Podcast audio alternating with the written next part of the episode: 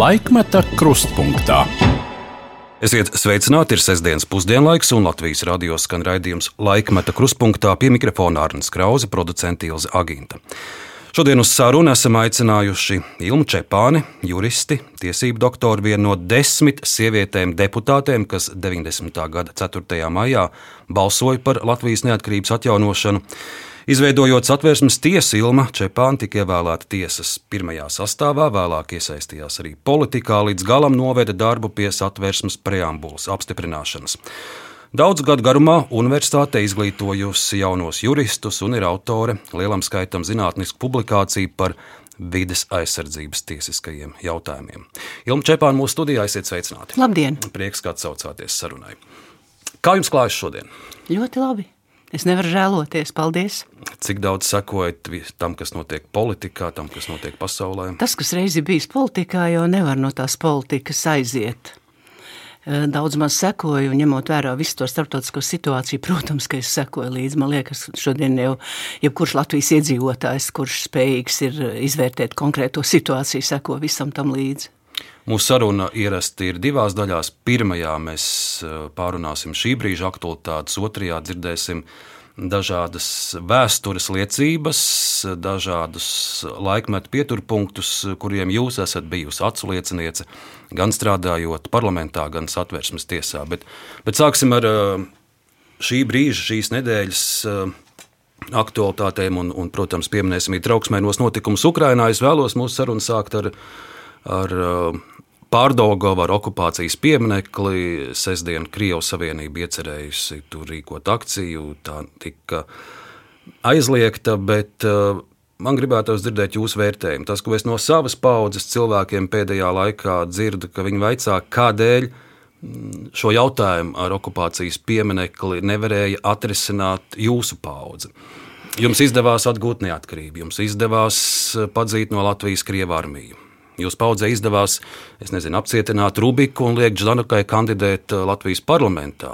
Jums izdevās skrundas lokatoru nojaukt, bet, bet ar šo pārdaugavas kauna stabu tik daudz gadu garumā nav izdevies tikt galā. Jā, vispirms es gribu teikt, ka es esmu 4. māja neatkarības kluba valdes locekli. Un tad, kad gandrīz vēl neviens tā īpaši konkrēti nerunāja, bija tikai tādas sabiedrības iniciatīvas. Mēs savā valdes sēdē eh, pieņēmām lēmumu par šo te opekļu. Op okupēkļu nojaukšanu, kā mēs sakām. Uz to ļoti arī mums eh, ierosināja Raimons Krūmiņš, kas bija savulaik viens no augstākās padomas deputātiem. Un no sākuma es arī drusku šaubījos, bet redzot, kas notiek Ukrainā, visas šīs zvērības neiedomājumās un ņemot vērā to, kas ir ko latviešu tauta lielākā daļa ir izcietusi skatoties visu uh, šo, kas tur notiek 9. maijā, mēs arī nolēmām. Nu, mēs arī bijām, ja jūs zinat, iniciatori šie te mm, ziedot LV, pat vākt uh, šos ziedojumus šī opoke, opo, okupēkļu nojaukšanai. Eh, es gribu, kāpēc es pat esmu domājis, kāpēc mēs to neizdarījām. Pirmkārt, mēs to neizdarījām tāpēc, ka tajā laikā vēl bija iekšā Krievijas armija pašā sākumā, kad bija tā saucamais lokus, kā Sandra Kalniete saka, ka tagad to var izdarīt.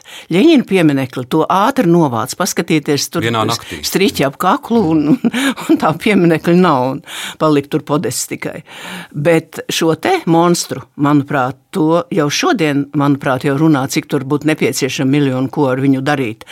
Mēs tajā laikā vienkārši neuzdrīkstējāmies, bet tajā laikā nebija arī īpašas vajadzības. Ja jūs atcerieties, bija tā tautas fronte, un viņiem pretī bija interfronte. Interfronte visu savu neapmierinātību par tautas frontes rīcību un augstākās padomas balsojumiem izteica ne jau pie šī pieminekļa viņu. Tas piemineklis bija pilnīgi aizmirsts. Viņi pulcējās tur Daugavas stadionā un citur, un tur um, veids visādas protesta akcijas. Šī pieminekļa sāk pulcēties tikai tad, kad faktiski Putins nāca pie varas. Nu, tas ir vispār zināms fakts, ka tas uh, burtiski tādu kulta vietu ir palikusi uh, šiem cilvēkiem, kas dzīvo Latvijā, um, uz Latvijas zemes, bet mentāli faktiski dzīvo Krievijā. Manuprāt, lielākā daļa tāda ir, kas tur nāk. Un, un pirms tam viņi nenāca tur un neko nepieminēja. Iespējams, ka viņi uz kapiem gāja vai, vai tam līdzīgi, bet pēdējā laikā tas jau izvērtās vispār. Manuprāt, jau valsts, valstī demokrātijai un tiesiskumam pilnīgi mm, pretrunā ar to, jo es, jūs teicāt, ka es arī pieliku zināmu roku satversmes ievadu, ja preambulas izstrādāšanā, un tur trešajā eh, daļā ir pateikts, ka Latvijas valsts nosoda visus šos noziegumus, gan padomju noziegumus, gan arī Hitleriskās Vācijas noziegumus. Nu, ko tad mēs tur atļausim turpmāk joprojām uh, cildināt uh, šo padomju armiju, kas arī Latvijai izdarīja tik ārkārtīgi daudz ļaunumu jau 40. gadā. Mana visa ģimene ir arī represēta. Lielākoties tāpēc arī es iesaistījos tautas frontē un tālāk arī politikā. Kādu jūs paredzat to reakciju, ja patiesi šis piemineklis tiks nojaukts un saimta šonadēļ jau ir uh, konceptuāli komisijā spriedusi konkrēti termiņu nolikusi Rīgas domē, ka tas ir jāizdara.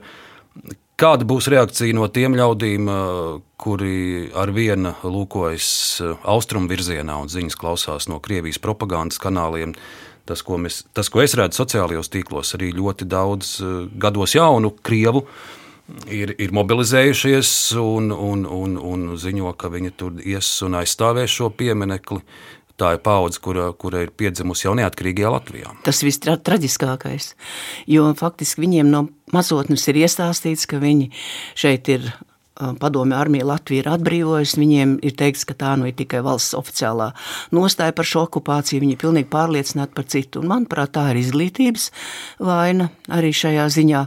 Bet es vēl domāju, ka Protams, ka daļa protestēs, un viņiem jau ir savi kuratori, kas noteikti visu to organizēs, īpaši pastāvot sociālajiem tīkliem. Tas ir ārkārtīgi viegli izdarāms.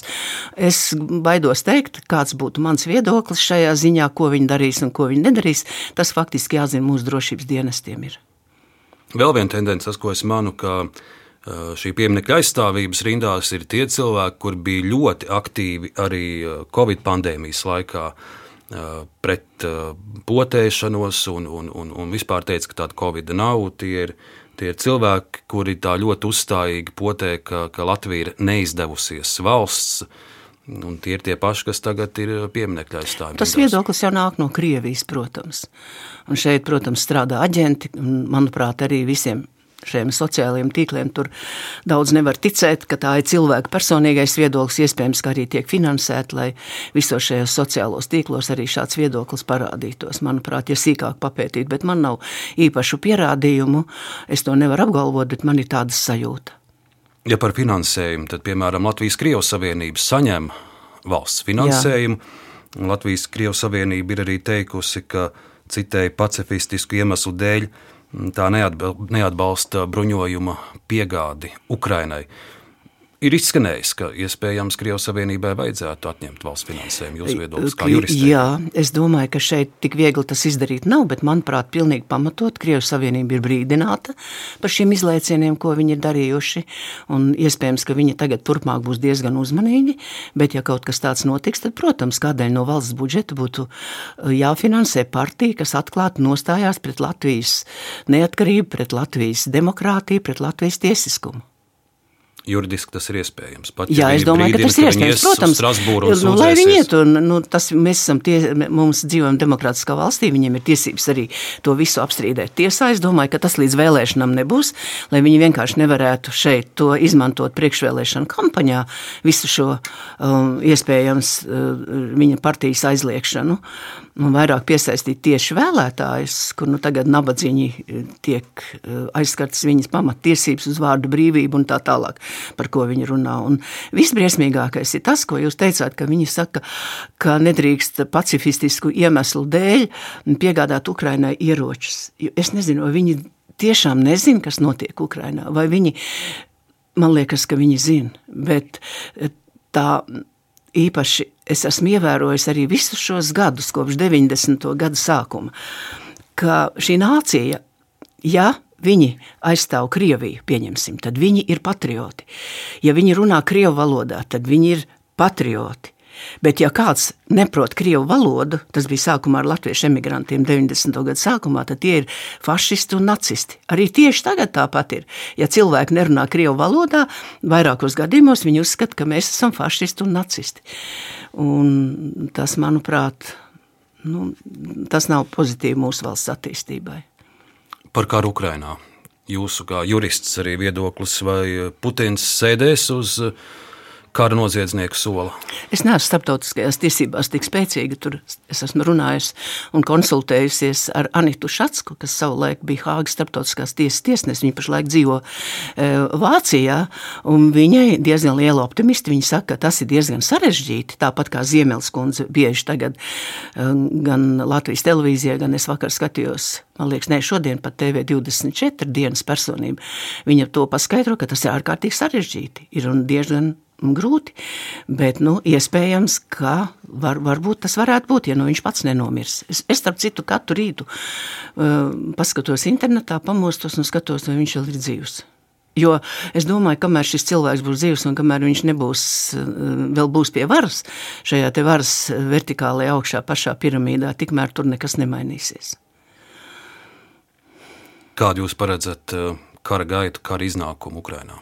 Man ir ļoti grūti. Es neesmu militārais speciālists. Es, protams, vēlētos, lai Ukraina atgūst savas teritorijas.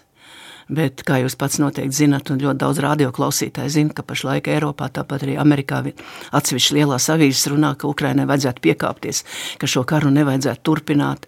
Bet, nu, pateicoties Zelenskim un viņa komandai, viņi ir kategoriski pret šādu nostāju. Ko Ukraiņas notikumi ir parādījuši par Latvijas sabiedrību. Nu, piemēram, es redzu tādas divas lietas. Viena ir, ka tā parādīja, ka brīdī, kad kādam ir nelaime, mēs eh, varam būt eh, atbalstoši un, un sniegt lielu palīdzību. Cevišķi kara pirmajās nedēļās eh, vairākus miljonus Latvijas tautas saziedoja, tāpat ir pieņemti bēgļi.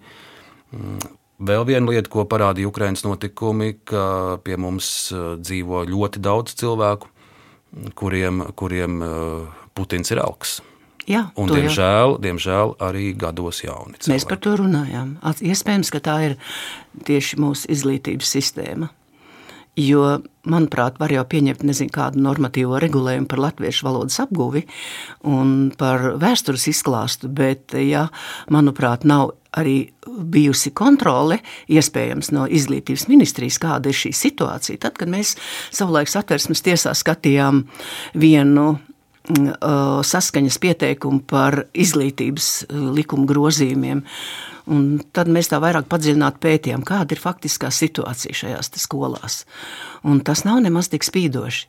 Mēs no valdes, 4. maija neatkarības klubu valdes, mēs bieži atsevišķi bijušie deputāti ejam uz skolām, un arī uz Krievu skolām. Es pati šogad neesmu bijusi, bet vēl taču Renoka šogad bija divās Eh, skolās, un ja tur klasē sēž Krievijas skolās, viņa klasē sēž 25 bērni, un ja četri paceļ rokas, ka viņi saprot, kas notiek Ukrainā, un pārējie visi klusē, es domāju, ka tā ir nenormāla situācija, un pilnīgi pareizi būtu pārēj uz mācībām latviešu valodā. Jo, un arī attiecīgi uz vēstures izklāstu. Nepieci, jo, jo tas, kas es, mēs pat nezinām, iespējams, kas tur tiek stāstīts šajās vēstures stundās, un ko tie skolotāji stāsta. Čepāns kundze, jums arī, protams, liela pieredze ir politikā darbojoties. Es gribētu dzirdēt arī jūsu prognozes par saimnes vēlēšanām.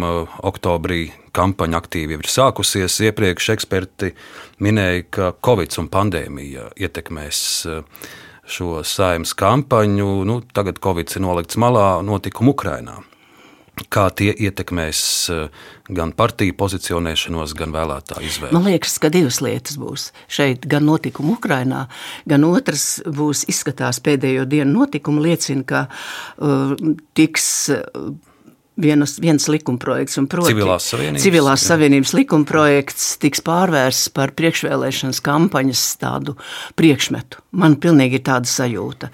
Jo ņemot vērā satversmē noteikto, ņemot vērā to, ka satversmes tiesas spriedums pašlaik jau būtu jāpilda. Tad satversmes tiesa lēma, ka līdz 1. jūnijam. Jā, jā 1. Saimai. jūnijas tuvojās, jā. un es skatos, ka dažādu aizbildinājumu dēļ eh, šis eh, likumprojekts un netiek tātad pieņemts, jo satversmes tiesas spriedums jau bija plašāks nekā darba likuma attiecīgā norma. Par to mēs varam strīdēties, bet no visa konteksta, kas bija satversmes tiesas spriedumā, izrietēja, ka šis civilās savienības likumprojekts būtu faktiski jāpieņem. Un ja jūs man jautāsiet, kāds ir mans viedoklis, es vienmēr esmu droši atbildējis šajā ziņā. Un es nākot pie jums, es paskatījos, ka tagad ir daļa politiķu, kas saka, atbalstīsim tikai dabiskās ģimenes. Nu, ko nozīmē dabiskās ģimenes? Šajās dabiskajās ģimenēs notiek brīnum lietas. Nu, piemēram, tad, kad es vadīju juridisko komisiju, tad bija apmēram uzturlīdzekļu nemaksātāji bērniem, bija kaut kur pie 150 tūkstoši. Latu, man liekas, vai eiro, es vairs neatceros. Tagad es paskatījos, jau 21. gadā tie jau ir 450 tūkstoši. Es domāju, ka visi tie, kas runā par šīm dabiskām ģimenēm, viņiem vajadzētu paskatīties, kas notiek šajās ģimenēs. Nē, bet viņi skatās kaimiņa ģimenē, kas tur notiek, un, un nevis paši savā ģimenē. Nevienam jau nepatīk paskatīties spogulī. Jūs nedomājāt deputātu kaimiņu ģimeni, bet nē, nē, nē, es nerunāju, nē, nē, deputāti, nē, nē, nē, es runāju vispār par to, jo nu, lielākā daļa Eiropas valstu vienā vai otrā izpildījumā ir šādi likumi, un šeit nevajadzētu jaukt, laulība ir nostiprināta satversmē, un es domāju, ka šai priekšvēlēšana kampaņā tas būs, ja šo likumu likumprojektu nepieņems, tas būs viens no tādiem debašu jautājumiem. Es pat jūtu, pati jūtu, ka Nacionālā apvienība var izmantot vēl dažādas citas iespējas. Viņi var, piemēram, samesties kopā ar Šleseru, kaut nu tā nebūtu, viņi varētu virzīt iespējams to arī referendumam šajā ziņā. Nu, un tad eh, tie divi mēneši, vai cik tur kā tur paredzēts šajos likumos, tur diezgan daudz to parakstu vajag, bet viņi visu laiku tikai par to runās. Tas ir ļoti bēdīgi. Un tāpat arī par Ukraiņas jautājumu. Eh, mēs nezinām, kā tas virzīsies uz priekšu. Tas, ar, protams, būs viens no debašu jautājumiem bet faktiski galvenokārt jau būtu jārunā par ekonomisko attīstību, par eh, elektroenerģiju, tāpat arī par ūdeni, par gāzi, par naftas produktiem un tā tālāk. Tas jau būtu galvenais, par ko būtu jārunā, bet nevis šīs lietas, eh, jo nu, tāds mana kā jurista viedoklis ir, jo tomēr šiem cilvēkiem arī ir tiesības, un viņiem ir, ja viņi prasa, viņiem ir jābūt nostiprinātiem vienā vai otrā formā.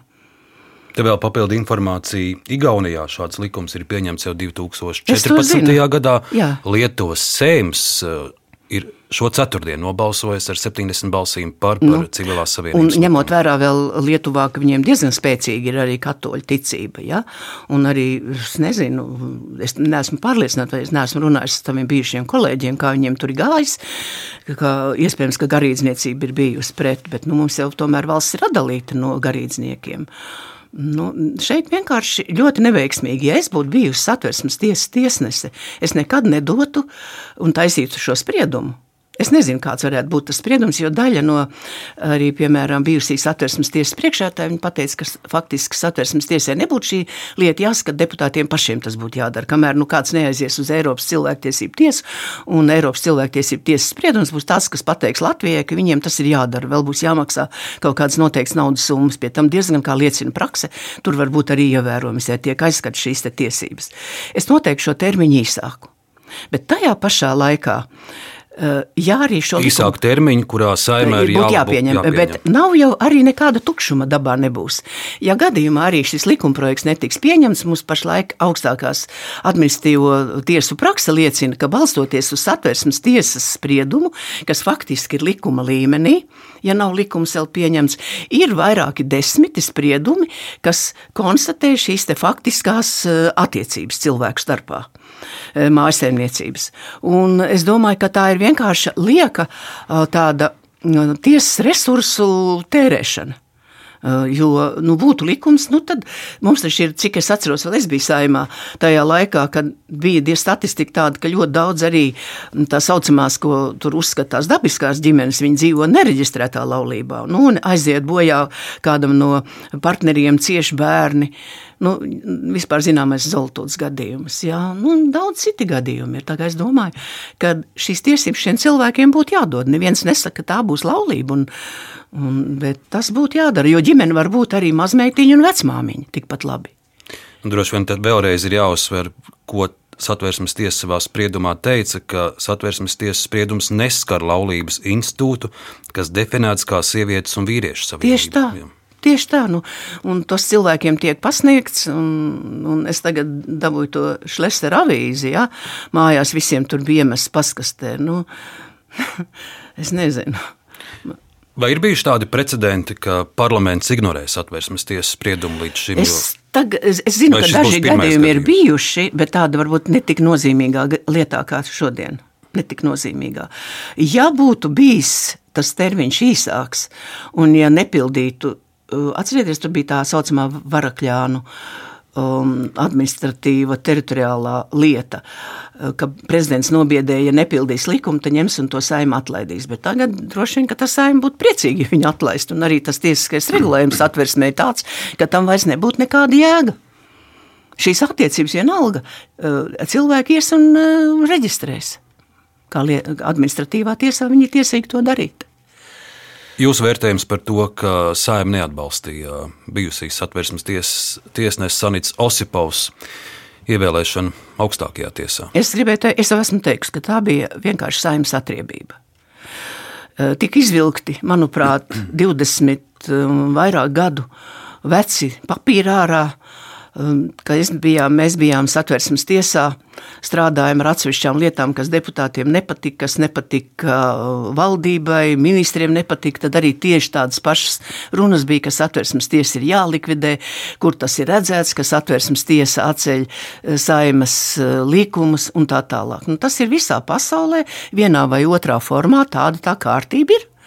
Un es domāju, ka ka, ka šī bija tīri atriebība, pie tam viņi pat nesaprata atsevišķi lielie runātāji, ka Osipovs kundze jau nepretendēja uz administratīvo tiesu, kur tagad, kā jau minēju, tiek skatīts šīs te, uh, faktisko attiecību nostiprināšanas lietas, bet viņi pretendēja uz civiltiesu, kas šādas lietas vispār neskata. Viņiem pat nebija sajēgas lielai daļai, ka Osipovs kundzei bija atsevišķās domas, kas uzskatīja, ka šajā gadījumā tiesai bija jānorobežojas no šīs lietas skatīšanas, un deputātiem pašiem jātiek galā ar šo tiesisko regulējumu, lai tas atbilstu arī neaizskartu mm, cilvēku, lai, lai netiktu atsevišķa cilvēku grupa diskriminētas. Pirms pāris mēnešiem es šajā raidījumā iztaujāju jūsu bijušo kolēģi, tiesas priekšsēdētāju Evaru Enziņu, un, un viņš teica, ka viņa prāt Sanits Osipovs kandidatūra ir jāvirzā parlamentā vēlreiz.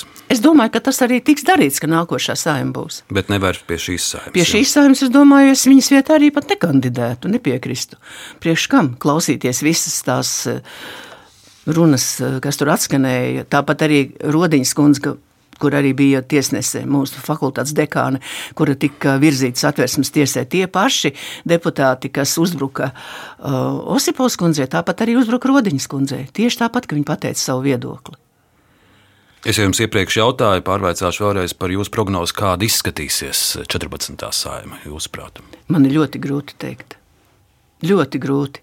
Jo pašlaik uh, faktiski ja liecina šīs socioloģiskās aptaujas, jo izskatās tie, kas pašlaik ir pozīcijā, plus vēl Zemnieku savienība, bet nu nezinu, kā tos šķelšanos viņiem, ZZS tagad ir sašķēlušies, acīm redzot, viņi pretendēs uz pozīciju, bet, bet es grūti teikt, ir, vai tiešām cilvēki ir aizmirsuši, ko savulaik darījis ir Šlesers, ko savulaik darījuši visi tie, kas tagad ir viņa komandā, kas it kā nāk, it kā jauni. Nu, protams, jaunie cilvēki varbūt ir aizmirsuši, kas notika, piemēram, 2008. gadā. Es to ļoti labi atceros. Ja jūs man jautājat, piemēram, kas tajā laikā, kad es biju saimā, man bija tas notikums, tas svarīgākais. Nu, tad es jums arī jautāšu to. Jūs varat jautāt. Jā.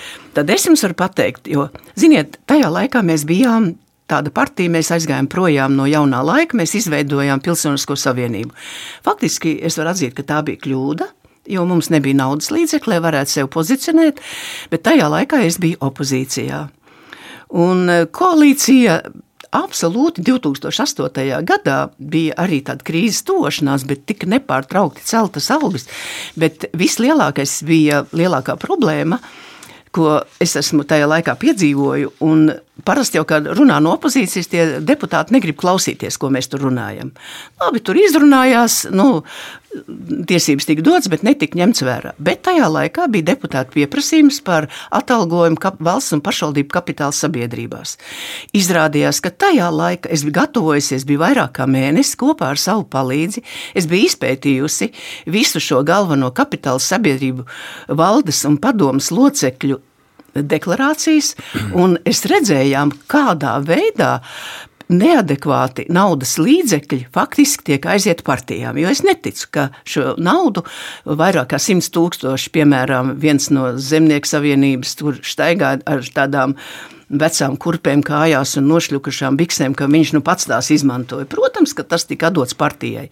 Tāpat arī, piemēram, Šlesters bija ļoti nadzīgs, ka viņa, tie saucamie viņa cilvēki, arī satiksmes ministrijās eh, bija vairākās, pat man liekas, viens bija desmit kapitāla sabiedrībās, valdēs un padomēs. Un tad, kad es runāju saimā no tribīnes, parasti ir, kā jau teicu, diezgan liels troksnis. Tad bija nāves klusums. Visi klausījās, un neticamā veidā divi godīgi deputāti, viens no tiem bija Eniņkungs, kurš nobalsoja, ka šis pieprasījums ir, uh, ir jāatbalstāms. Jo viņš vienkārši nevarēja izturēt visus tos skaitļus, dzirdot, ja, kādus, kā, kādus no šīm valsts un pašvaldību kapitāla sabiedrībām ieguva attiecīgās partijas. Mēs par šo epizodu vēl runāsim, man būs arī arhīvu fragments, bet eh, lai šis ir priekšvēlēšana laiks, un lai nav tā, ka kritika izskan tikai pret vienu partiju vai politiķu, es jūs arī nedaudz palūkšu kritiski pavērot arī citus politiskos spēkus.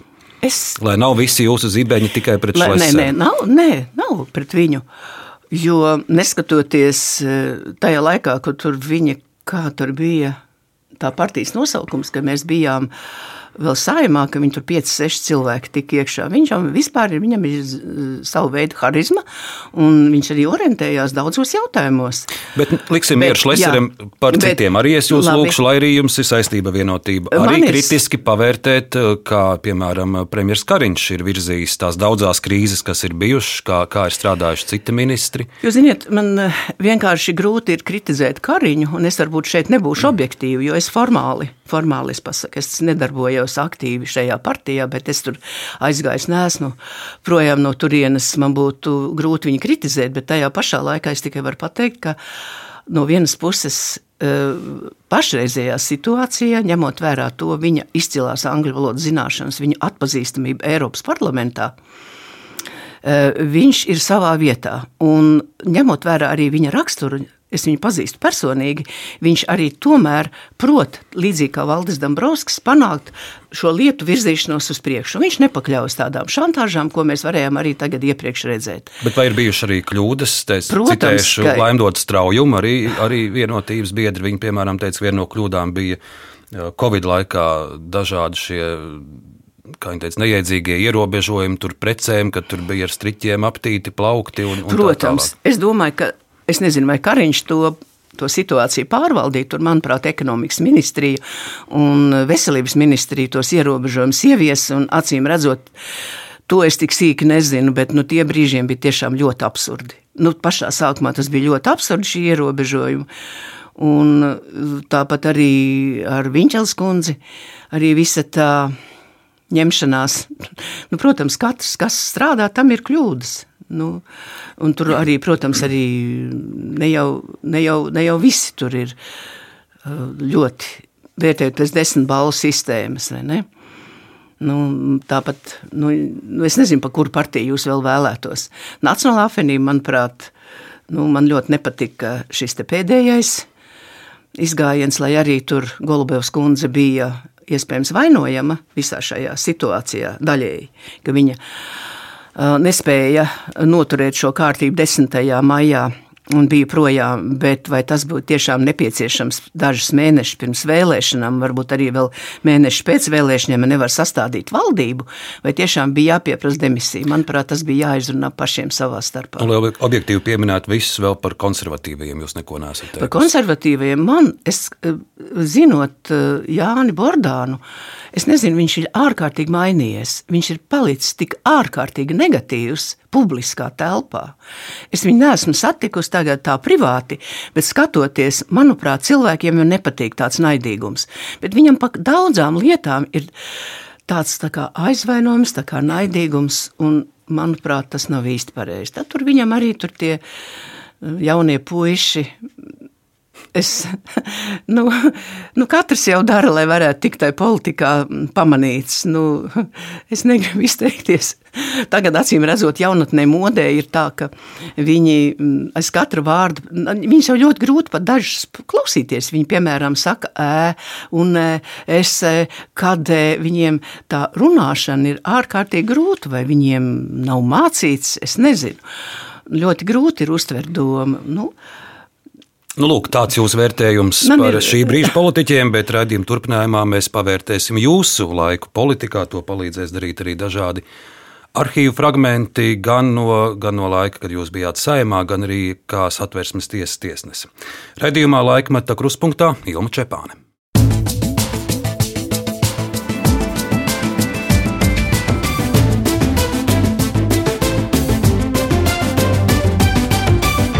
Laikmeta krustpunktā.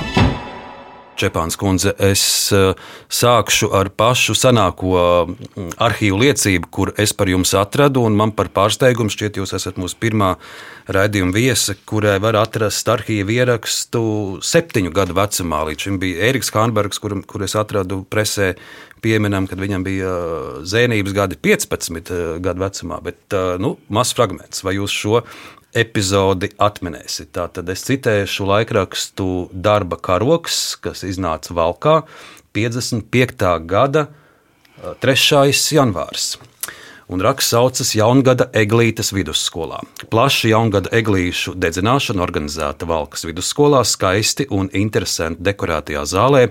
Pirmie šajā priekā dalījās visjaunākie 1-4 klašu skolēni. Kuplā skaitā noskatīties pašdarbības priekšnesums bija ieradušies bērnu vecāki. Atsaucību izpelnījās Ludziņas skaistākā eglīte izrāde un otrās klases skolnieces Ilmas Kundziņas deklamācija kaķu skola. Ilma Kundziņa taču ir Ilma Čepāne. Jā, tā bija, un es to atceros.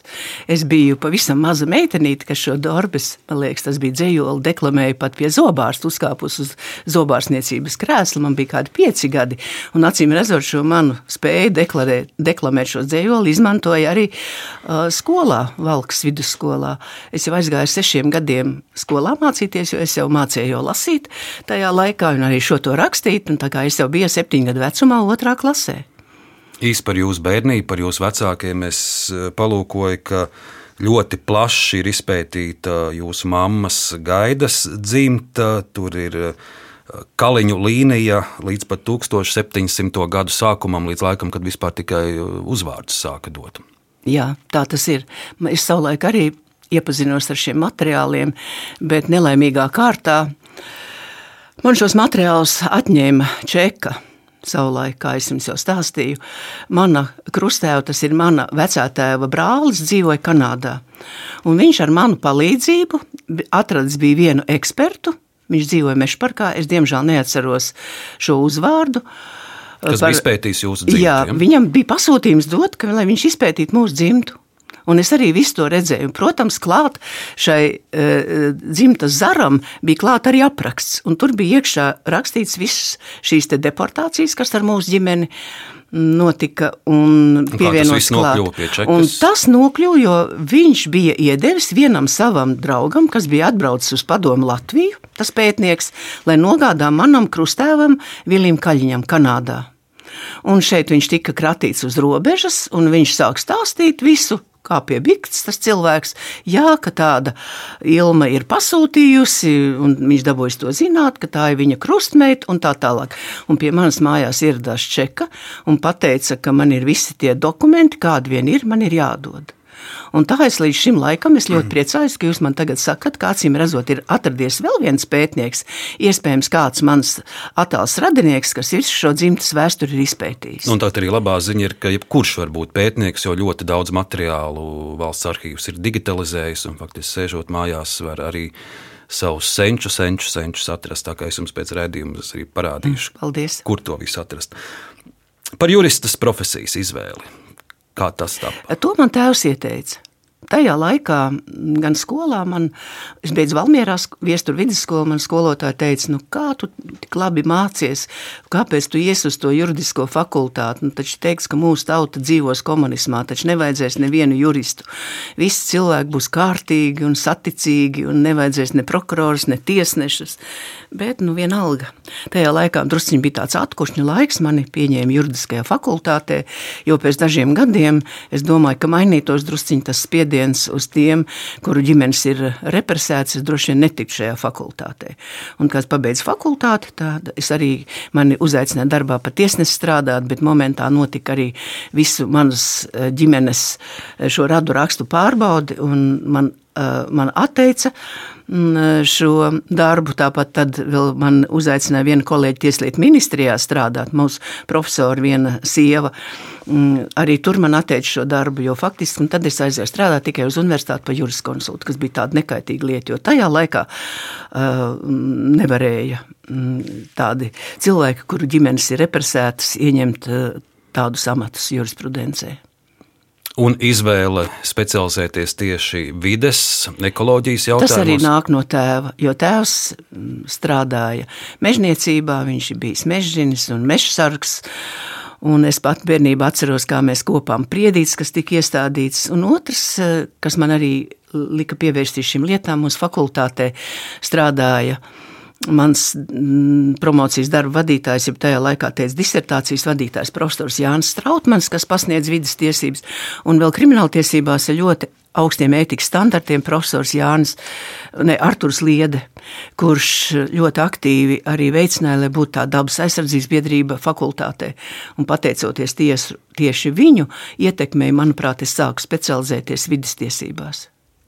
Vēl viens eh, citāts no Periodikas arhīva tas ir eh, žurnāls Zinātne un tehnika 1983. gads jūsu publikācija. Netālu no pansionāta komunārs Rīgā Berģielās 160 līdz mūsdienām saglabājies majestātisks dižozols, apkārtmērs 6,5 metri. Speciālists lēš, ka tas ir pats lielākais no ozoliem, kas aug kādā padomju Savienības pilsētā. 81. gada rudenī būvējot pansionāta attīrīšanas iekārtas, koka saknes un zarus daļai iznīcināja, taču pēc likuma 10 metru radiusā aizsargājamo koku ir aizliegta jebkāda saimnieciskā darbība. Nu, tur vēl ir garš stāsts par to, kā netika šis ozols nosargāts. Bet, eh, Man šķiet, ka, ka ozols ir izdzīvojis. Vismaz es... pirms gadiem pāris es tajā pusē biju tāds ļoti bēdīgs, bet vēl, vēl dzīves. Es tiešām es būtu priecātos, ja tas koks būtu izdzīvojis, bet vis, visos laikos centos arī tieši uh, publiskā telpā, kā tagad sāk runāt par šīm vidas problēmām, manuprāt, šodien, šodienas apstākļos tā ir ārkārtīgi svarīga lieta, kuru mēs negribam redzēt gan ar Covid eh, šo laiku, jo tas ir ārkārtīgi lielais piesārņojums Covid laikā un arī sakarā ar šo karu Ukrainā. Jo tiek apdraudēti mums arī Latvijā. Es klausos, ko politiķi runā, manuprāt, meža izciršana, tāpat arī aizsargos apbūve un tā tālāk par apbūvi. Ja jūs, jūs pieminat, tad tas arī varētu būt pirmais fragments, kuru mēs noklausītos. Gara epopeja droši vien, kur paņēmusi gana daudz arī jūsu nervu, ir tā saucamā NS Būraus lieta. Jūs pati detalizētāk izstāstīsiet klausītājiem, kuri varbūt šo stāstu jau ir piemirsuši. Tātad tas bija par apbūvi iekšpagalmā, kur, kur jūs kaimiņiene vērsās tiesā un, un uh, centās uh, apturēt, pēc tam uzņēmēji vērsās pret jūsu kaimiņiem, arī pret jums. Uzņēmēji no Vēncpils. Man būtu interesanti dzirdēt tagad laika jau tādu ritējumu, ar ko visa šī lieta ir beigusies. Bet pirmais fragments uh, būs no tiesas zāles. Un, Divi juristi, kuri abi balsoja par Latvijas neatkarību, advokāts Andris Grūtups un Ilma Čepāne, tiesas zālē ir viens pret otru, un dzirdēsim gan Andri Grūtupu, gan arī fragment no jūsu teiktā. Tiešām cienījamie kolēģi domā, ka mēs te visi kaut kādā antiņā esam. Es saprotu, ka satversmes ties, tiesnesis var pieprasīt ziņas no nama pārvaldes, no ministrijas, es nezinu, no kā vēl, jā, bet mums ir speciālais likums par tiesu varu. Brīnos, kā šādā veidā prasītājs un prasītāja pārstāv šādu dokumentu vispār no augstākās tiesas varēja dabūt. Lūk, tāds fragments no tiesas sēdes. Ievadā klausītājiem īsi izstāstiet un atgādiniet, par ko ir šis stāsts? Jā. Par ko bija šis stāsts? Tā saucamā Staļina laika māju.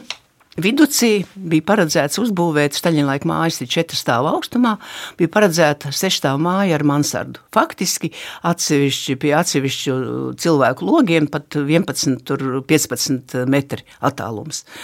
Un tajā laikā bija ārkārtīgi plaši izplatīta, ka ņemot vērā visa šī te, e, e, ekonomikas attīstība, ka jābūvē katrs brīvais laukums. Un pie manis e, pienāca, es arī tajā pašā rajonā dzīvoju, pie manis pienāca Enes Sabūros kundze. Viņa savulaik ļoti izglītot sievieti, viņai lielākā problēma bija tā, ka viņa pilnībā nepārvaldīja latviešu valodu. Viņa teica, vai tiešām jūs man nevarat palīdzēt kaut ko darīt. Es teicu, jā, es arī domāju, ka tas ir pilnīgi nelikumīgi šajā gadījumā. Nebija ne sabiedrības līdzdalības tiesības, tās viss tika uh, pataisīt pa fikciju. Uh, šīs sabiedrības līdzdalības tiesības cilvēki bija neapmierināti. Viņa, pateicoties arī jauniem dažiem juristiem, viņa palīdzēja. Es tur pati nestrādāju tā sākumā.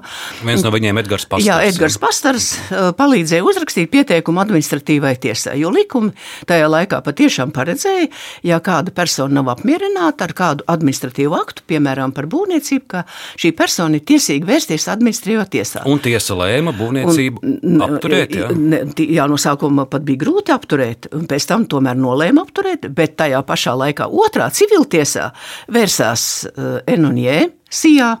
Ar šiem uzņēmējiem. Jā, Vēnspils uzņēmēji vērsās, un arī Rīgas dome, un arī vēl tur. Un tad tos Vēnspilniekus, ja grūtus advokāts pārstāvēja. Jā, viņš pārstāvēja tos, tad arī doma pārstāvēja mūsu kolēģis Bitāns, pārstāvēja tad arī mans bijušais palīgs Erlens Kalniņš kopā, tagad advokāts plaši pazīstams ar grūtupu.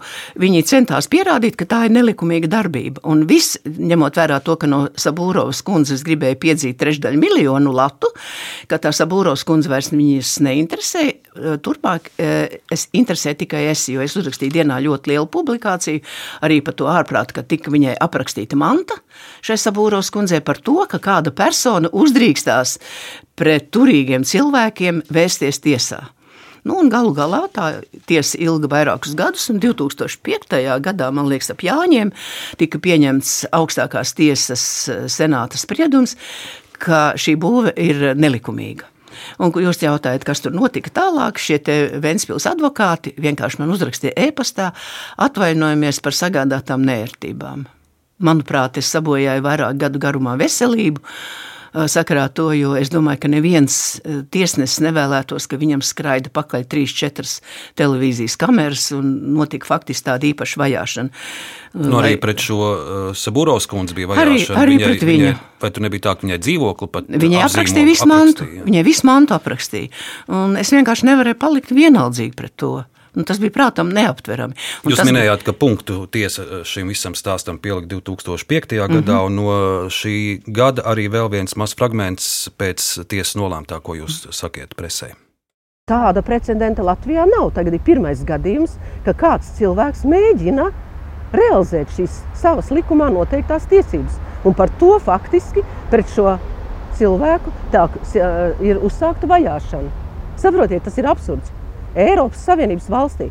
Es vēl gribu piebilst, ja gadījumā tik tiešām viņai šis dzīvoklis tiks atņemts, tad es domāju, ka šī sieviete būs paliks bagāta sieviete, jo viņai desmitkārtīgi griežoties, piemēram, Eiropas cilvēktiesību tiesā, viņa konstatēs, ka tiek pārkāptas tiesības uz taisnīgu tiesu.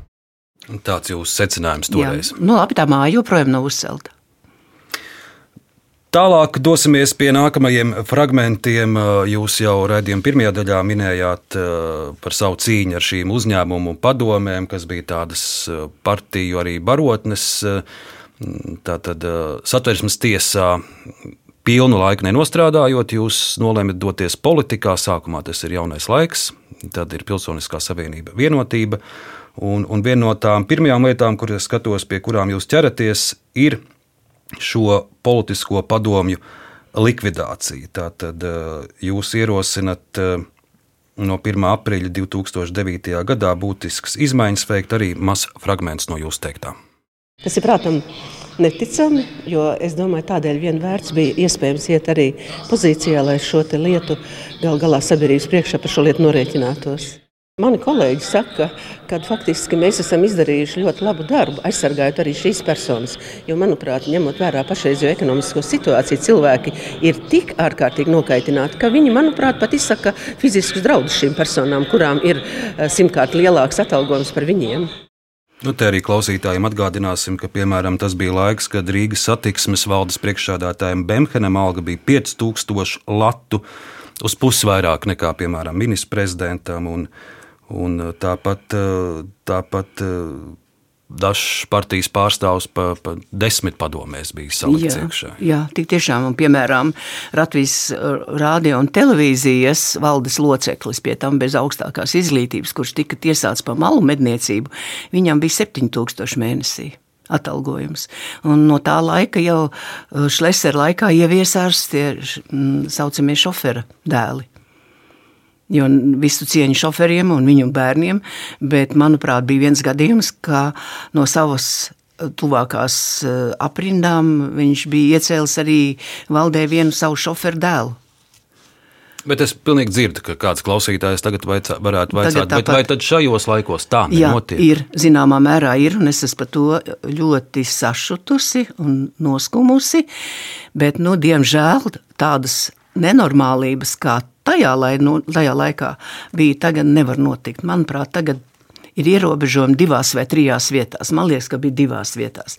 Arī šeit, protams, e, es ļoti lielu neusticību skatījos, jo prasīju, ka tad, kad es vēl aizgāju no Sājumas 2014. gadā, man centās pārliecināt, e, ka ir Eiropas prasības, ka ir nepieciešam, eh, nepieciešams šādas valdes, un nu, valdes pats par sevi, bet arī padoms, un atgriezās pie šīm padomēm. Un, manuprāt, joprojām mēs mazā valstī nevaram izbēgt no šīs draugu būšanas situācijas. Un, diemžēl arī tāda situācija bija saistībā ar maniem bijušiem kolēģiem, arī no, no, no vienotības.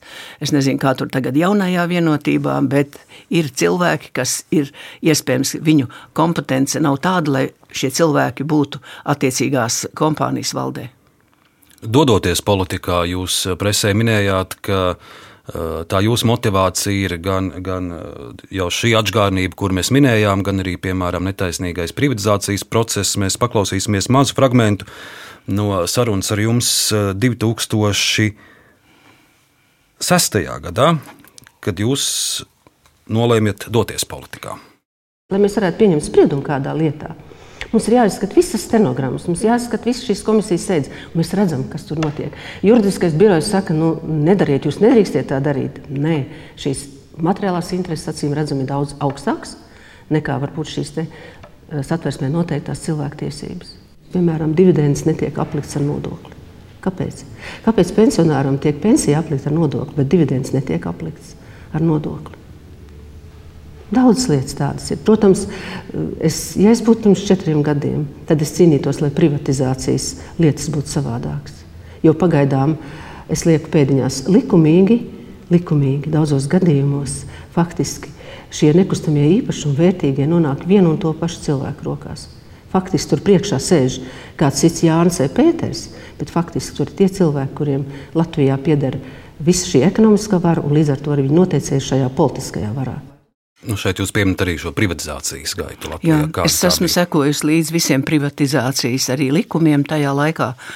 Un vēl, ja varētu teikt, ko es būtu tādu labu valstī izdarījusi, e, apmēram arī tad, kad sākās šī ekonomiskā krīze, es paspēju iejaukties, ka netika izdarīti grozījumi virknē privatizācijas likumu. Mēs pat aizgājām ar Sēli Annu un Šadurska kungu pie prezidenta Zatlera kunga un izstāstījām, kas tiek paredzēts steidzamības kārtībā, kādas grozījumus pieņemt. Proti, ka valsts varētu zaudēt apmēram 20 miljonus tajā laikā, manuprāt, vēl bija Latvija. Ja?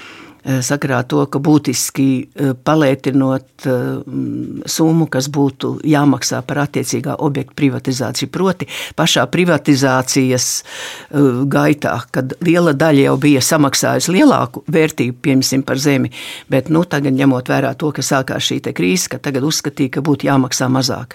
Un līdz ar to tie, kas bija samaksājuši vairāk, tiem bija tiesības, manuprāt, vērsties satversmes tiesā, uzskatot, ka viņi tiek diskriminēti pašā privatizācijā Latvijas vidū, un, un viņiem tiek uzlikta pārāk liela nasta, lai viņi varētu saņemt vienu vai, obi, vienu vai otru objektu īpašumā. Vēl viens stāsts, kur es vēlos atgādināt klausītājiem un, un, un dzirdēt arī jūsu komentāru tagad ar laika distanci. 2007. gads toreizējais ministrs prezidents Kalvīts un Krievijas premjeras Mihails Fratkovs paraksta Latvijas-Krievijas robežlīgumu, un piektā daļa saimnes deputātu uzskata, ka tas ir pretrunā ar satversmes trešo pantu. Mazs fragments mēs dzirdēsim jūsu teikto arī tā laika deputātus Visvaldu Lāci, Annu Sēli un arī Mārku Čīnski. Politiķi, kā mēs rakstām savā pieteikumā, varētu izdāļāt visus novadus, atstājot tajos tikai vienu pagastu katrā, lai formāli ievērotu satversmes trešā pantā noteikto par novadiem. Sodām ir tie cilvēki, kas aicina to darīt. Šī gadienā valsts prezidents un uh, ministrs prezidents ir aicinājuši to darīt ar trīs gadu cietumsodu. Un neviens izliekās, ka nemaz šāda likumdošana nebūtu un ka tādas atversmes nebūtu. Tas ir katra deputāta individuāls, eh, individuāls noskaņojums, individuāla atbildība. Un, ja būs, būtu vajadzīgi vairāk parakstu, es domāju, ka parakstītos arī vairāk tēvzmiešu un vairāk deputāti arī no citām frakcijām, jo līdzīgi viedokļi ir gan Tautas partijas frakcijā, gan eh, arī Zemnieku frakcijā. Kas attiecas uz Visvaldu Lāču parakstu, tas tika prognozēts. Viņš ir vienkārši tāds, kāds viņš ir. Nedaudz, protams, mūs apbēdina divu tēvzemiešu paraksts. Nu, atgādiniet, ar ko šī lieta beidzās. Daudz gan arī toreiz teica, ja, ja nebūtu šī robežlīguma, diez vai Latvija būtu NATO. Nu, acīm, redzot, acīm redzot, tāds no Rietumē Eiropas bija tāds viedoklis. Manuprāt, joprojām es uzskatīju, ka šajā gadījumā vismaz Krievijai būtu jāmaksā kompensācija par to, jo uh, Man, par abreni vai par, par abreni? Par abreni, par abreni jo tur ir, manuprāt, ļoti mežaina teritorija, un, kā mēs zinām, tie varētu būt diezgan ievērojama kompensācija. Nu, mēs arī zinām to, ka Putins tajā laikā pateica, ka Latvija dabūs tikai beigta ezaļausis. Un nekādu kompensāciju mēs nesaņemsim. Nu, tajā pašā laikā bija politiķi, kas no sākuma uh, uzstājās pret atdošanu, un nonākot pēc tam koalīcijā, kā bija par paradošanu. Tas katrā ziņā bija politisks jautājums. Eh, no vienas puses mēs bijām tolaik opozīcijā, un tiešām eh, Sēles kundze un eh, Lāča kungs, un man liekas, vai tikai arī vēl Laicāna kungs nebija tas, kas arī parakstīja šo pieteikumu. Nu, viņi bija pozīcijā. Viņi bija pozīcijā, Jā. un viņi parakstīja, jo šādā veidā, ka šis jautājums nebūtu jārisina. Nu, vismaz sliktākā gadījumā vai labākā gadījumā varētu teikt, būtu varbūt jāorganizē referendums. Nu, ar ko šī vēršanās satversmes tiesā beidzās? Neko nebeidzās. Vienīgais labums bija tas, nu, protams, pateica, ka viss tas ir likumīgi. Šajā ziņā, ka nav pretrunas ar attiecīgo satversmes pantu, taču viena lieta gan bija laba. Tika runāts, visu vēstures eh, gaita tika atspoguļota tieši gan par okupāciju, gan arī par citām lietām, kas Latvijai tika nodarītas. Un šīs teritorijas tika uzskatīts, ka tās ir tās saucamās jauniegūtās teritorijas teritorijas, acīm redzot, lai kaut kādā veidā tā laiks atversmes tiesa iziet no situācijas. Jo pretējā gadījumā tur jau nu bija diezgan skaidri redzams, neņemot vērā šo politisko spiedienu, ja, ka e, šis, e, šīs darbības nav atbilstošas satversmei. Par satversmi turpinot 2013. gads. Un jūsu darbs pie satversmes ievada, jeb satversmes preambulas, tātad uh, Toreiz tika teikts, ka Latvijas pamatlikumā nepieciešams pārdomāts juridiski saistošs ievads, kurā formulēta mūsu valsts pastāvēšanas jēga un pamata principi. Šo darbu vadīja toreizējais prezidenta konstitucionālo tiesību komisijas priekšsādātājs Egils Levits, arī virkni juristu, politiķu un arī arī jūsu aktīvs darbs. Un brīdī, kad šis projekts tiek publiskots, um, saskaņas deputāta Andrēs Elksniņš ceļ traci, ka lūk, saskaņa nesot iesaistīta preambulas rakstīšanā, un vispār jums ir bijušas kaut kādas slepenas sēdes, vecrīgas kafejnīcā, tad nu arī paklausīsimies Jā, fragment no šī es, laika. Es joprojām uzskatu, ka tas būtu bezjēdzīgi iesaistīt, piemēram, Elksnīkungu un arī pārējos no saskaņas, jo viņi uzskatīja, ka šajā gadījumā piesaucils atversmes tēvus, kurus okupācijas var iznīcināja, jo viņu, viņi nekādā gadījumā neatbalstītu to, ka mēs norādījām arī šajā ievadā, kur starp citu atsaucās arī tagad uh, tiesas, uh, ne tikai satversmes tiesas, bet arī vispārējais juridikcijas tiesa atsaucās uz šo ievadu, ka Latvija ir tikusi okupēta un ka mēs cīnāmies un mēs uh, pret uh, šīm te mēs atzīstam to, jo nekur līdz šim nebija uh, šī lieta fiksēta un nekādā gadījumā jau to, to viņi neatbalstītu. Kāda jēga tam būtu? Bet nu, paklausīsimies, ko toreizējais deputāts, tagad Dagopils mērs Elksniņš saka 2013. gadā, un dzirdēsim arī jūsu atbildi viņam. Tas veids un tā forma, kādā tika tas izvēlēts, slepenās sanāksmēs, viesnīcās, diskutēt par to tikai ar mērķi nepielaist pie tā. Citus kolēģus un deputātus liek aizdomāties par to, ka tam visam ir bijis slēpts nodoms, lai faktiski šos grozījumus faktiski izbīdītu ar parlamentu. Vispār pieņemtās morāles normas ietvaros, es varu tikties, es varu izstrādāt likuma projektus. Ja man kāda persona uzaicina uz tikšanos, nu man taču nav jāaicina līdzi uh, Elksniņa kungs. Es nezinu, ko viņš. Nu, es neesmu nekādā uh, lielā sajūsmā par viņu audzināšanu. Tā nav mana problēma. Bet šajā gadījumā arī cilvēkam nu, tomēr jārīkojas īpaši juristam likuma ietvaros. Ko es pats gribu, to es pats lieku. Un ir cilvēki, kuru domas mani neinteresē. Tos es neuzaicinu. Ja saskaņas centrs grib ar mani par to runāt, ļoti labprāt, es varu saskaņas centra frakcijā stādīt šo projektu priekšā. Dzirdam arī eh, Egīlu Leviču, šobrīd Jā. prezidentu, tobrīd eh, eh, šīs preambulas autoru, un um, deputāts Elksniņš tolaik arī presē saka un atzīst, ka viņam ir bijusi asas atķeršanās ar, ar jums juridiskajā komisijā, kur jūs vadījāt, un Elksniņš arī stāsta, ka viņam esot Čepānes saraksti ar Levitu, un viņš vērsīsies drošības policijā. Kā tur viss beidzās? Tur nekā, viss ar čiku beidzās. Elksniņam vajadzēja parādīt arī savu iespējamo ietekmi, pabojāt man nervus, jo faktiski pateicoties, es varu te atklāt arī Elksniņam, jo viņš man mēģināja vienā juridiskās komisijas sēdē teikt, ka es ar šo lietu nodarbojos tikai tāpēc, ka es, lai iegūtu atpazīstamību, un es gatavojos vēlēšanām, un es pateicu, ka es vispār nemaz uz nākošo saimnu nepretendēšu, lai viņš nomierinās. Un, starp citu, runājot par Levitkungu, tad Levitkungs bija pirmo paša tāda pirmā mm, šī priekšlikuma prezentācija, tā var teikt, viņš vērsās pie 4. māja neatkarības balsotāju kluba. Un es vēl atceros, mēs tautsensības zālē ar Levitu kungu tikāmies. Viņš prasīja, kā mēs skatāmies uz šo lietu. Jo sabiedrībā bija diezgan liela pretestība šīs preambulas pieņemšanai. Es atceros, es biju vienā dombu raidījumā. Man, Tādi uzbrukumi bija, es nezinu par ko. Vienam nepatīk, ka tur pieminēts tāds, un tad vēl visi tie priekšlikumi, kas nāca vienkārši apbrīnojami. Tā bija ārkārtīgi smags darbs, lai tur pavisam varētu viens labs puses lielumā šādu te, uh, projektu pieņemt un izstrādāt, jo mums taču vajadzēs atversmē grozījumus arī opozīcijas palīdzību. Un tomēr daļa no opozīcijas mūs atbalstīja, izņemot saskaņu, jo viņiem, protams, nepatika šī Latvijas okupācijas lieta, kas tur tika parādīta. Turpinājumā vēl viens fragments, kurš atgādinās jūsu aktīvos politikas gadus. Tas ir 2009. gads. Mēs redzējām, sākumā runājām, ka 2022. gadā saima um, atsakās ievēlēt tiesnesi Osipovu, bet iespējams pirmais precedents bija 2009. gadā, kad deputāte lēma augstākās tiesas tiesneša amatā neapstiprināt tiesnesi ar mhm. labu reputāciju kolēģu vidū. Runa ir par tiesnesi Vīgantu. Un arī varbūt daudz jau neatmin, tas bija tiesnesis, kurš lēma sankcionēt uh, Aivaru Lemberga arestu, un toreiz tika uzskatīts, ka tādā veidā iespējams ir arī politiķa atriebība pret tiesnesi. Arī mazs fragments no 2009. gada oktobra saimnes apsēdes.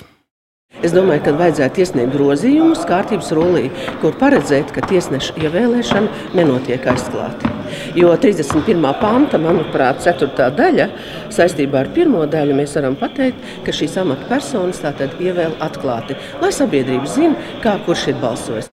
Tiesneši, eh, stājoties amatā, arī dod savu svinīgo solījumu valsts prezidentam. Viņi to dara tikai vienreiz. Tātad, stājoties šajā amatā, nevis katru reizi virzoties pa karjeras kāpnēm, pārējot no vienas eh, darba, darba no vien, viens, vienas tiesas instancē ot, mm, uz darbu augstākā tiesas instancē. Un, eh, manuprāt, šī ikreizējā pārapstiprināšana tiesneša amatā saimā nav nepieciešama. Otrā runātāja ir Sandra Kukula, toreizējā valsts prezidenta mm -hmm. Zatlera juridiskā padomniece.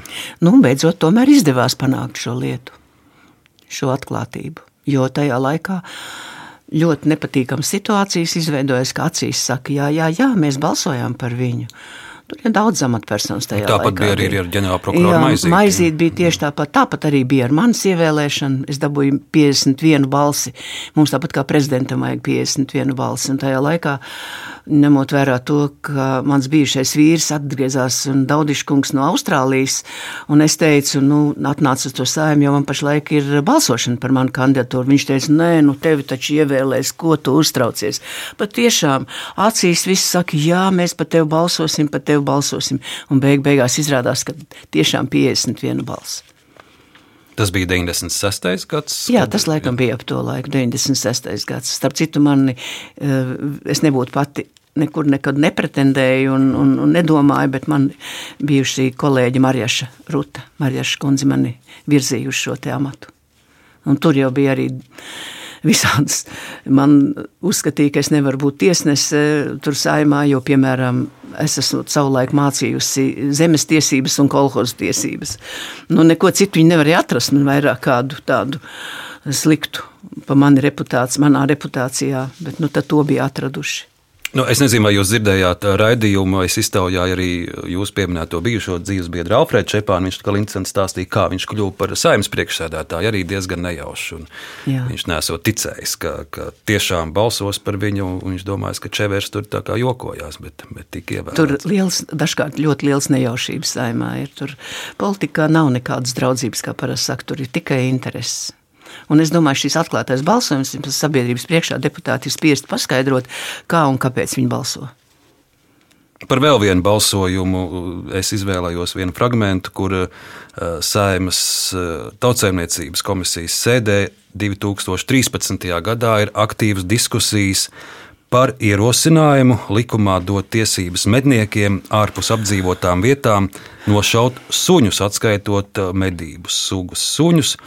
Un uh, domas dalījās, domas dalījās pat uh, vienas partijas, arī jūsu vienotības uh, ietvaros, kur, piemēram, deputāts Zintars Zaķis to atbalsta, bet, bet, bet jūs esat pret. Tad nu, dzirdēsim fragment ar, ar Zintaru Zaķi un, un, un jūs teikto 2013. gadā spriežot par to, vai medniekiem ļaut šaut suņus klaiņojošus. Vai arī dabas draugi ir, ir ļoti norūpējušies par to, ka kaut vienam dzīvniekam tiek dzīvība atņemta. Mēs nedrīkstam nonākt pie situācijas, ka kāds šāds noklīdis dzīvnieks atņem dzīvību cilvēkam. Tādēļ tiek izņēmuma gadījums ir attiecināts uz medību šķirnes suņiem, kur ir attiecīgi apzīmēti un kur atrodas medību platībās. Atbilde man nebija. Acīm redzot, tas ir tādēļ, ka mednieki šeit izmanto, acīm redzot to, ka viņi ir ieguldījuši ļoti lielu darbu, ļoti lielus līdzekļus, izaudzinot šos medību šķirnes suņus. Bet tikpat labi arī vērtīgi ir arī tie suņi, kas nav medību šķirnes suņi. Arī jebkurš krancīts, arī laukos dzīvošam cilvēkam, dažkārt kā ģimenes loceklis. Nu, šo fragment es izvēlējos, lai, lai klausītājiem parādītu arī, kādi tik jautājumi jums nu, nav bijuši, sākot ar satversmu un preambulu līdz pat uh, ziniet, klaiņojošiem krancīšiem. Jūs zināt, ka vislielākās diskusijas un vislielākās runas ir saistībā ar zvejniecības likumu un medību likumu. Nu, tur nu notiek tāda, tur neatkarīgi no um, frakciju piedarības, neatkarīgi no pozīcijas, opozīcijas, koalīcijas. Kāpēc, notiek, kāpēc tā? Tāpēc, ka liela daļa uh, deputātu ir ieinteresēti šajā medību likuma vai zvejniecības likuma grozījumos. Un viņiem arī ir uh, noteikti ir arī lobby kas nāk un stāsta, kā vajadzētu darīt. Un, starp citu, saimā es esmu ļoti diezgan šokēta, ka jau vairākus gadus netiek pieņemts šis eh, lobby likums, kas regulē šos te lobby. Jo, manuprāt, mednieku, visi šie mednieki, viņiem ir spēcīgi. Spēcīgi tā, tāda ietekme uz atsevišķiem deputātiem, ņemot vērā to, ka arī viņi var nepilngadīgie tagad piedalīties medībās. Nu, es jau lielākoties skatījos no vidas tiesību viedokļa šajā ziņā, jo es jau pati esmu gan, jāsaka, bijusi gan mednieka sieva, Man tēvs arī kā mežģīns bija mednieks. Nu, šo to jau es zinu, bet es nepretendēju, ka es zinātu kaut ko par medību ieročiem un tam līdzīgi, bet tīri par tādām ētiskām lietām runājām. Čepāns kundze ar šiem mazajiem arhīvu fragmentiem, protams, es varēju ieskicēt tikai nelielu daļu no tā, ko jūs esat pieredzējusi gan tiesā strādājot, gan saimā. Kas varbūt ir vēl kāds aspekts, kurš jums pašai liekas svarīgs un pieminams šajā sarunā? Manuprāt, Latvijā ir viena ārkārtīgi liela problēma. Ņem vērā to, ka es esmu jau vairākus gadus desmitus tiešām specializējusies vidas tiesībās un vidas aizsardzībā. Mums Latvijā nav normālas zaļās partijas. Zaļās partijas priežilā pašlaik ir ārkārtīgi tādi lieli karjeristi, manuprāt, ja mēs runājam pat varbūt konkrētāk Viņi tagad tur atšķēlās no zemniekiem, un faktiski tai zaļai partijai ir tikai nosaukums palicis. Un Tavar kungs bija, kā mēs zinām, pirms dažiem gadiem viens no lielākajiem Trumpa faniem, kurš tagad vada zaļo partiju. Un, kā zināms, Trumps savulaik atkal cīnījās ar visiem spēkiem tieši pret vidas uh, normatīvu aktu ievērošanu, visu šī Parīzes vienošanās un viss pārējais. Un tāda liekulība un tās ietekmes nesamība, es nezinu, vai jūs esat vai klausītāji dzirdējuši, ka pēdējos gados zaļā partija iestātos par kādām vidas problēmām, vai par nelikumīgu kāpu apbūvi, vai par nelikumīgu mežu ciršanu, vai tam līdzīgi. Es personīgi neesmu dzirdējusi. Tā ir ārkārtīgi liela problēma, jo visās demokrātiskās valstīs faktiski šodienas apstākļos zaļajiem ir tomēr ir ietekme. Es neesmu tāda zaļā fundamentāliste, ļoti. Bet uh, jums pašai zaļā partija bija tā, ar kur jūs es, 90. gados ienācāt jā, politikā to es ienācu politikā, es savas pārliecības, bet skatoties, kas pēc tam tur notiek tālāk, ja, es domāju, ka tur nekādas vairāk. Man nekāda tuvuma ar šo partiju nevarēja nu, būt. Latvija bija viena no retajām valstīm, kur zaļās partijas pārstāvs pat kļuva par premjeru Indulsēmas.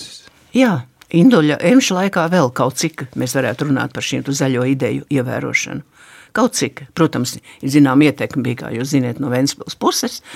Jā, un tagad šis pats Tavara kungs, es lasīju tajā intervijā, kur viņš slavēja Trumpu, viņš uzskata, ka um, Lembergs ir uh, valstiskuma garants Latvijā. Un tagad, paskatieties, Lembergs vairs nav viņam nekas, jo Lembergs tagad tiek tiesāts. Man tādi cilvēki nepatīk, kas tik ārkārtīgi maina savu viedokli. Un es negribu pret viņu uzstāties, es vienkārši esmu nu, nu, bēdīgi sakarā ar to, ka Latvijā nav zaļo. Ir nevalstiskās organizācijas, bet zaļās partijas, kurām būtu ietekme uh, saimā, piemēram, izstrādāt normatīvos aktus. Tagad pēdējā laikā es sekoju līdzi īpaši šīm lietām. Man ļoti nepatīk dažkārt, kas tur notiek. Lai mūsu saruna nebeigtos uz, uz, uz tādas nepatīkamās nots, kāds, kāds uzmundrinošs vārds arī mūsu klausītājiem.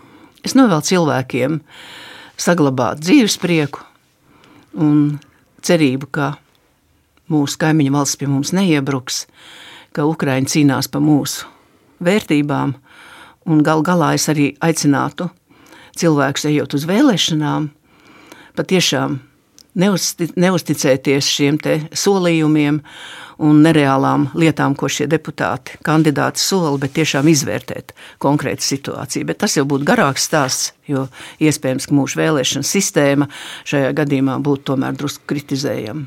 Un cilvēki varbūt nav vainīgi, bet liela daļa parasti uzķerās uz šiem te uh, lielākiem balumutēm. Un, un es varu pateikt, es savulaik mums universitātē mācīju Es nezinu, jūs varbūt to neieliksiet. Mums bija tiesība filozofija, un man patika konfūcija teicieni. Un viņš, viens no tiem teicieniem, kas man palicis prātā, viņš saka tā, gudrais rāda uz mēnesi, bet muļķis skatās uz pirkstu.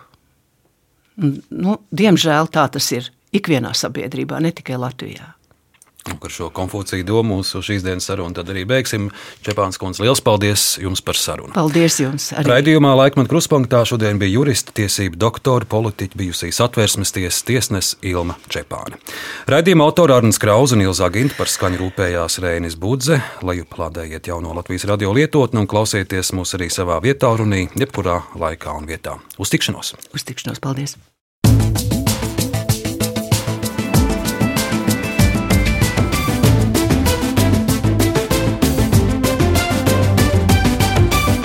Laikmeta krustpunktā.